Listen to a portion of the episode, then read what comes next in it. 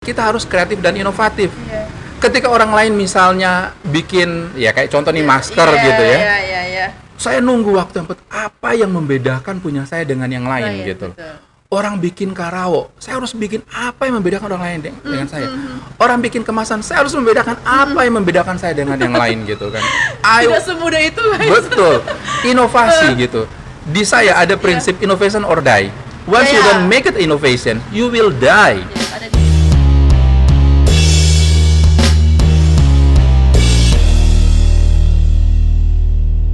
Assalamualaikum warahmatullahi wabarakatuh.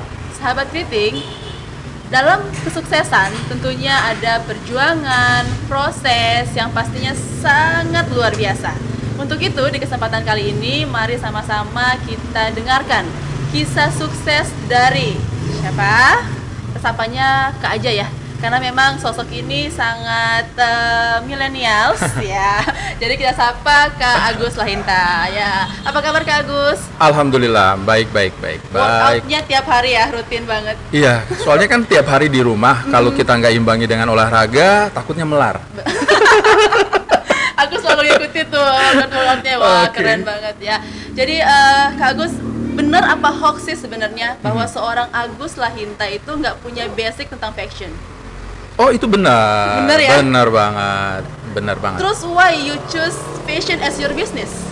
Eh, karena itu menjanjikan yang pertama Oke. gitu ya, itu yang menjanjikan yang pertama. Kemudian eh, kenapa saya pilih fashion, kemudian kenapa juga Karao? Karena itu Karao is heritage of Gorontalo. Betul. Karao adalah kain sulaman Gorontalo yang berpuluh-puluh tahun biasa-biasa aja gitu loh.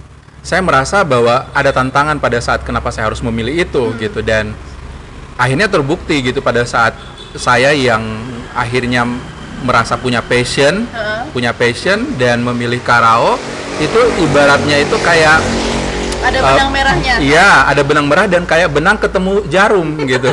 Jadi langsung masuk langsung dan masuk jadi ya. dan akhirnya saya menjahit Wow. kain itu. Tapi itu jahit sendiri oh no no no, gimana? Ya. jangan dong gitu ya. Oke. Jadi ah, kalau seandainya yang saya kenal nih ya bahwa Aha. seorang Agus Lainta dari 2017 itu Aha. udah go internasional untuk mengenalkan Karawa itu sendiri. Is it true? Itu benar karena saya didukung oleh Bank Indonesia Oke, jadi dan doa dari seluruh rakyat Gorontalo. jadi itu gimana ceritanya sampai go internasional? Sebenarnya saya yakin dan percaya ini adalah jalan Tuhan. itu Iya, yang nggak ada pertama. yang kebetulan ya. Betul, nothing impossible in our life. Yang kedua adalah eh, pada saat itu memang saya bersyukur pada tahun 2017 awal gitu saya eh, bertemu dengan Bank Indonesia dan pada saat itu mereka me- salah satu mensponsori saya untuk tampil di eh, apa namanya di ajang Indonesia Fashion Week Oke, iya. 2017. Eh, waktu itu juga saya didukung oleh pemerintah Provinsi Gorontalo. Setelah balik dari uh, Indonesia Fashion Week, uh, di situlah uh, saya mendapat tawaran dari Bank Indonesia. Uh, Sebenarnya ini bukan ta- tawaran, ini adalah tantangan gitu loh. Dan I love challenge. Jadi Iya. mereka yang yang yang menawarkan ke seorang Agus Lainta. Iya, menantang lah Iya, istilahnya iya, iya, gitu betul, kan. betul. Jadi pada saat itu mereka mengatakan Pak Suryono waktu itu ya, Hah? kepala BI gitu, beliau uh, bilang, "Hey Mas Agus, so setelah ini you mau ke mana?" Hmm. Iya. Wah, you do? Wow, saya bilang, aduh my god.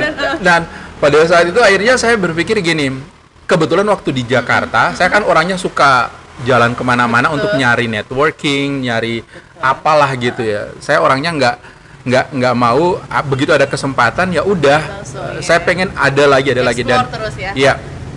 Dan pada saat itu saya mendapatkan eh, link Heeh. mendapatkan channel, mendapatkan networking, mendapatkan informasi tentang sebuah event di New York pada bulan September itu adalah uh, uh, uh, part of New York Fashion Week.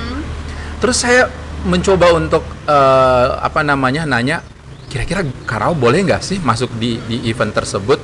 Kira-kira Karao boleh masuk nggak di, di di event tersebut? Terus akhirnya boleh. Nah. That's I keep. Iya, Iya iya. kan? Pada saat ada tantangan itu, saya Iya. bilang gini, ada sih Pak, tapi kayaknya di Amerika. Wah, Ah, saya bilang.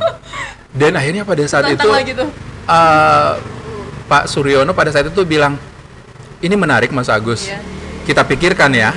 Sudah, oke. Saya waktu itu jujur nggak terlalu berharap lebih Betul, gitu ya, betul, betul. karena this is America man Betul, gitu kan. betul. ah, duitnya besar banget Betul. gitu ke sana. Dan mungkin itu bisa jadi first time ya buat uh, pengrajin karaoke, maksudnya usaha bisnis Betul, dan betul. yang Nah, tapi saya bersyukur banget pada saat itu kenapa I didn't waiting today uh, uh, I didn't waiting uh, a week, a month atau couple months Yes. gitu ya for waiting the result Huh. gitu ya.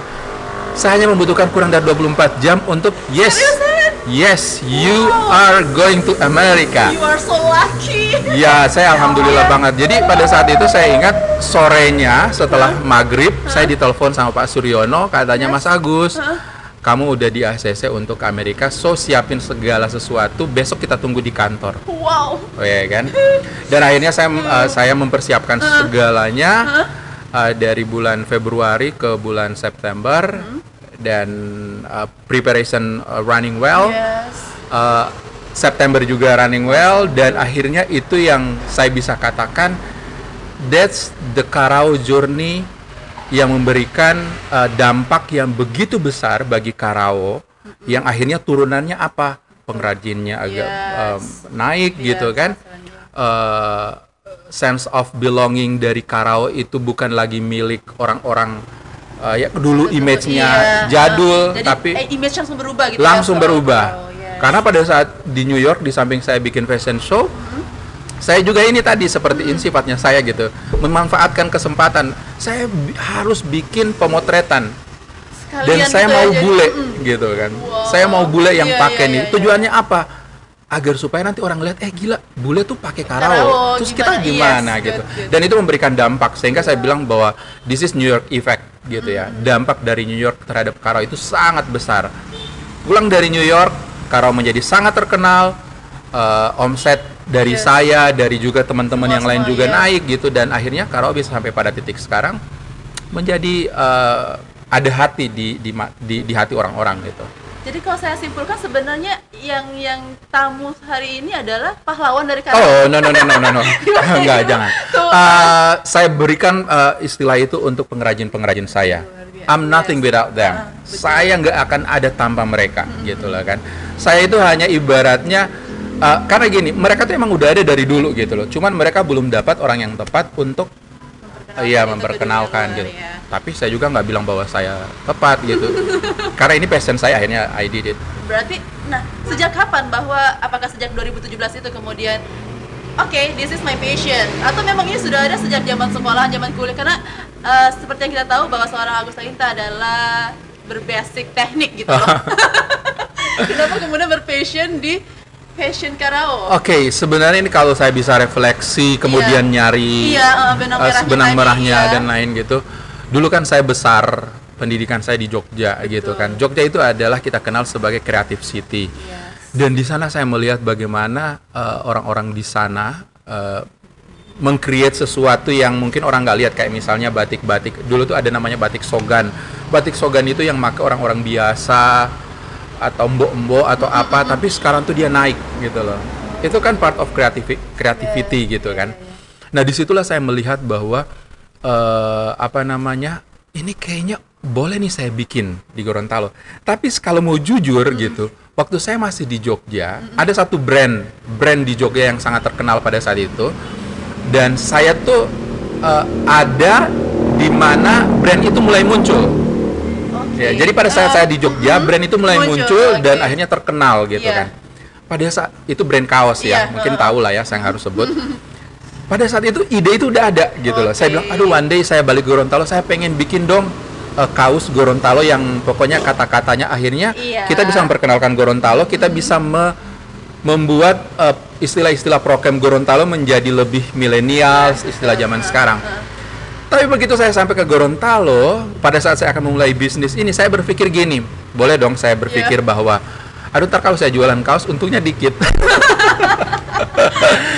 akhirnya, iya, iya. akhirnya eh, saya nggak jadi bikin kaos, Iya. saya bikin bisnis karao, Heeh. tapi di perjalanan rumah karao, di setelah satu tahun, Hmm. saya akhirnya mengeluarkan eh, brand khusus kaos. Jadi Hmm. saya waktu itu juga ngeluarin namanya tuh Olele. Oke. Olele itu kaos dari rumah Karao. Sempat saya bikin selama 2 tahun. Dan itu sebenarnya lebih ke saya nggak niat banget untuk jualan. Oke. Jadi eh, pokoknya kalau ada yang datang kan produk-produk di rumah Karo itu kan lumayan tuh harganya. Iya, mm-mm. Saya mau ketika ada orang datang ke rumah Karao, berapapun duitnya dia tetap harus bawa produk dari rumah Karao. Iya. Jadi kalau pada saat dia nggak nggak bisa beli produk eh, apa namanya kemeja dan lain-lain Iya. gitu, minimal dia bisa beli kaos. Iya, oke. Iya kan? Akhirnya Nah, saya saya bikin itu dia dan saya pikir itu hanya memanfaatkan memanfaatkan momen aja gitu pada saat itu. Dan itulah sejarah di mana kalau mau dirunut dari belakang gitu, itulah sejarah di mana saya pertama kali tertarik untuk eh, berada di bisnis ini. Berarti lingkungan sejak kuliah ya, Betul. yang kemudian dikaitkan lagi dengan creativity, dengan Mhm. semuanya kemudian menjadi menjadikan ide bisnis yang luar biasa ya sekarang Betul, ya. betul, Nah betul. untuk faktor sejak kecil mungkin bagaimana orang tua? Wow. Ini menarik gitu ya. Uh-uh. Kalau sejak kecil tuh saya tuh orang yang punya punya keinginan yang besar. terhadap Mau tahu keinginan terhadap kehidupan, Oke. kehidupan saya Iya, gitu iya, kan. iya, iya. Eh, keinginan besar saya itu apa? Saya mau hidup saya itu nggak susah.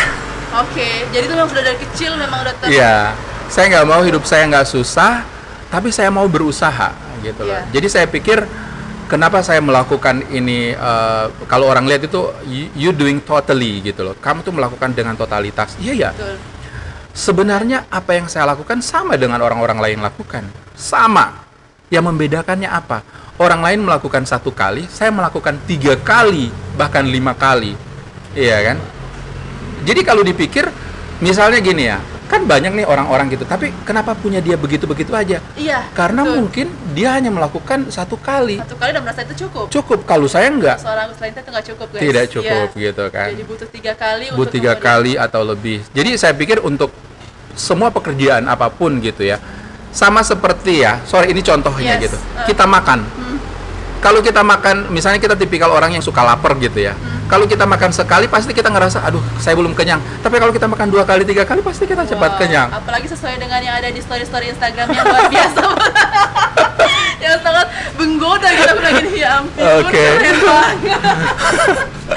ya. Oke. Oke, jadi uh, sebenarnya kalau seandainya orang apa ya, terutama followers mungkin ya udah. 20 ribuan seharusnya tahu bahwa Aha. seorang Agus Lahinta yang sekarang bisa storynya luar biasa itu dari makanannya, dari fashion dan sebagainya itu adalah memang sejak kecil gitu ya, bukan Aha. bukan bukan kemudian sekarang tapi memang sejak kecil itu yang di, diimpi-impikan dan itu yang diperjuangkan sehingga ada usaha tiga kali dibanding orang lain untuk Betul. menjadikannya seperti sekarang ini. Nah, sebenarnya penasaran waktu kecil tuh what do you want to be? Cita-cita awalnya tuh apa sih? Waduh, sama sih seperti anak-anak kebanyakan dua gitu, Apa? dokter dan insinyur. Alhamdulillah saya jadi insinyur. Oke, berarti masih masih normal ya nggak? Iya. Ya, Oke. Nah, Uh. ini yang paling apa ya? eh, siapa yang paling berperan? Jujur yang paling berperan itu adalah orang tua saya di mana-mana bapak, atau seperti keduanya? itu. Eh, keduanya gitu. Kalau bapak itu lebih ke tipikal orang yang saya tahu waktu itu saya tuh hidup di zaman yang ibaratnya kita bukan dari basic yang berada Baik gitu ya. ya, ya. No, no, no. Bapak saya itu petani, ibu saya tuh ibu rumah Seriusan? tangga. Ya. Itu yang ingin saya bagi ke sahabat Meeting ya, bahwa memang eh, ada kisah yang di balik sukses ini ada perjuangan yang sangat luar biasa Betul. gitu. Dan ini ada yang menarik gitu ya. Dan saya sering cerita sama mahasiswa saya kalau ada mahasiswa yang deng yang dengerin Iya. pasti mereka tuh udah sering banget dengar Iya. di kelas gitu ya bahwa eh, kenapa saya memaksa harus jadi seperti ini. Kan bapak saya petani nih. Iya. Jadi saya tuh ingat banget gitu. Kalau saya sekolah siang eh, jam 10 itu adalah jam 9 jam 10 itu jadwal saya ngantar makanan di sawah. Di sawah? Yes. Dan satu waktu saya waktu itu ngantar makanan di sawah dan lagi musim tanam nih. Hah? So you can imagine pada Yes. saat musim tanam tuh pematangnya itu kan penuh lumpur dan lain-lain Betul. gitu. Dan saya jalanlah di atas lumpur itu. Hmm. And you know what? Saya tuh tergelincir di situ. Alhamdulillah uh, Masih pada saat tergelincir tuh uh, apa namanya? rantangnya itu saya angkat gini jadi Yes. dia nggak nggak jatuh dan jatuh lain-lain. makanannya. Tapi pada saat itu saya berpikir gini, man, you harus belajar yang giat, you harus sekolah yang tinggi, jangan sampai you balik ke sini gitu loh. So itu adalah part of my previous life yang merubah paradigma saya untuk ke depan bahwa saya harus sekolah tinggi nih. Iya. Saya harus sekolah yang benar. Dan alhamdulillah saya dikaruniai oleh orang tua saya yang eh, saya tahu orang tua saya nggak nggak nggak berada banget gitu loh. Tapi orang tua saya itu sangat memahami keinginan anaknya. bahkan saya memutuskan waktu itu sekolah. Di saat teman-teman saya itu dia akan kuliah di Gorontalo lah atau di Manado paling jauh Makassar. Saya bilang pak sorry saya tidak akan kuliah di situ. Lu mau kuliah di mana? saya mau kuliah di Jogja. Yes. wow pada saat itu saya tahu Jogja ini mahal Betul. gitu tapi orang tua saya itu tipikal orang yang selalu menuruti keinginan anaknya whatever happen entah Yes. dia nyari duit Yang dari iya mana dulu. yang penting ya dulu dan Wow. saya baru baru tahu cerita pada saat dulu bagaimana perjuangan dan lain-lain gitu ya tapi akhirnya saya memberikan suatu privilege bagi mereka bahwa akhirnya mereka bangga gitu loh dan seperti sekarang gitu kan jadi eh, sejarah masa lalu itu yang akhirnya membuat saya untuk membulatkan tekad saya harus bisa minimal saya bisa menyenangkan diri saya yang kemudian dia akan spread up ke orang-orang yang di lingkungan saya orang tua keluarga saudara dan lain-lain that's my philosophy of life Yes. Jadi sahabat kritik udah tahu bahwa apa namanya seorang Agus Lahinta nggak kaya sejak lahir ya. Oh, Banyak no. Ini kayak memang sultan dari lahir No, kayak no, gitu. no. Jadi Nggak memang no gitu. karena memang ada usaha ya Betul. dan doa dari orang tua Betul. tentunya. Nah, untuk sukses sendiri eh, mungkin Kak Agus bisa bagi ke sahabat kritik Hmm. gimana sih Eh, intinya kalau mau sukses tuh apa? Sebenarnya gini saya saya tuh pernah bikin ada lima sukses menurut saya Oke. dan sebenarnya ini berawal dari pada saat satu seminar ada yang nanya tolong dong bagi lima tips Yes. sukses menurut Pak Agus dan sebenarnya itu saya nggak pernah bikin pada saat ada pertanyaan itu saya mulai oret-oret dan begitu saya uh, review this is part of my journey gitu ya sukses menurut saya yang pertama adalah kita harus uh, bermimpi Oke. iya kan Jangan takut untuk bermimpi. Jangan takut untuk bermimpi. Yang ditakutkan itu, you bermimpi kemudian you nggak bangun. Is that guys? So bermimpi, wake up and Do catch it, your yes. dream. Do it Oke, dream, uh. gitu ya. Dan itu yang saya lakukan, ya kan? Saya dulu bermimpi waktu jadi pematang sawah. Oh, saya nggak mau kayak gini. Saya harus sekolah. Saya harus apa gitu Iya. kan? Walaupun saya nggak pinter-pinter banget ya. Pokoknya saya harus Hmm. apa? Kemudian yang kedua apa? Do it. Do it itu means do it gitu Iya. ya. Lakukan gitu. Lakukannya apa? Jangan setengah-setengah. Seperti yang saya bilang tadi. Hmm. Ketika orang lain melakukan satu kali, you kalau boleh dua tiga kali atau lebih gitu kan. So that I did it gitu kan. Yang ketiga yang saya lakukan apa? Adalah eh, kita harus profesional. Iya kan? Ketika you melakukan sesuatu orang Jangan lain setengah-setengah. Iya, orang lain cuman ah ya udah yang penting udah udah jadi. No. Sehingga itu image yang sering terjadi. Weh, kalau saya yang bikin itu benar-benar Total, total gitu yes. kan. Karena saya pengen membuat sesuatu yang benar-benar profesional, ya kan? Hmm. Kemudian yang ketiga, kita harus kreatif dan inovatif. Iya. Ketika orang lain misalnya bikin ya kayak contoh nih masker Iya, gitu ya. Iya, iya, iya. Saya nunggu waktu yang apa yang membedakan punya saya dengan yang lain Lain, gitu. betul. Orang bikin karawo, saya harus bikin apa yang membedakan orang lain de- Hmm, dengan saya. Orang bikin kemasan, saya harus membedakan apa yang membedakan saya dengan yang lain gitu kan. Ayo Tidak semudah itu. Betul. Inovasi gitu. Di saya ada prinsip innovation or die. Once you Iya. don't make it innovation, you will die. Yes, ada di bio. Iya guys. kan? Inovasi gitu. Betul, Itu sangat penting sekali. Dan yang kelima adalah positive thinking. Positive thinking ke mana? Yang pertama kepada Tuhan. Yang kedua kepada orang-orang yang ada di dekat kita. Bahkan itu musuh kita, Iya. bahkan itu musuh kita. Itu urusan mereka mau marah kita, tapi kita positive thinking ke mereka Iya, gitu. Apa tujuan positive thinking ini? Kalau sama Tuhan gitu, kenapa saya ber- selalu berpositive thinking sama Tuhan?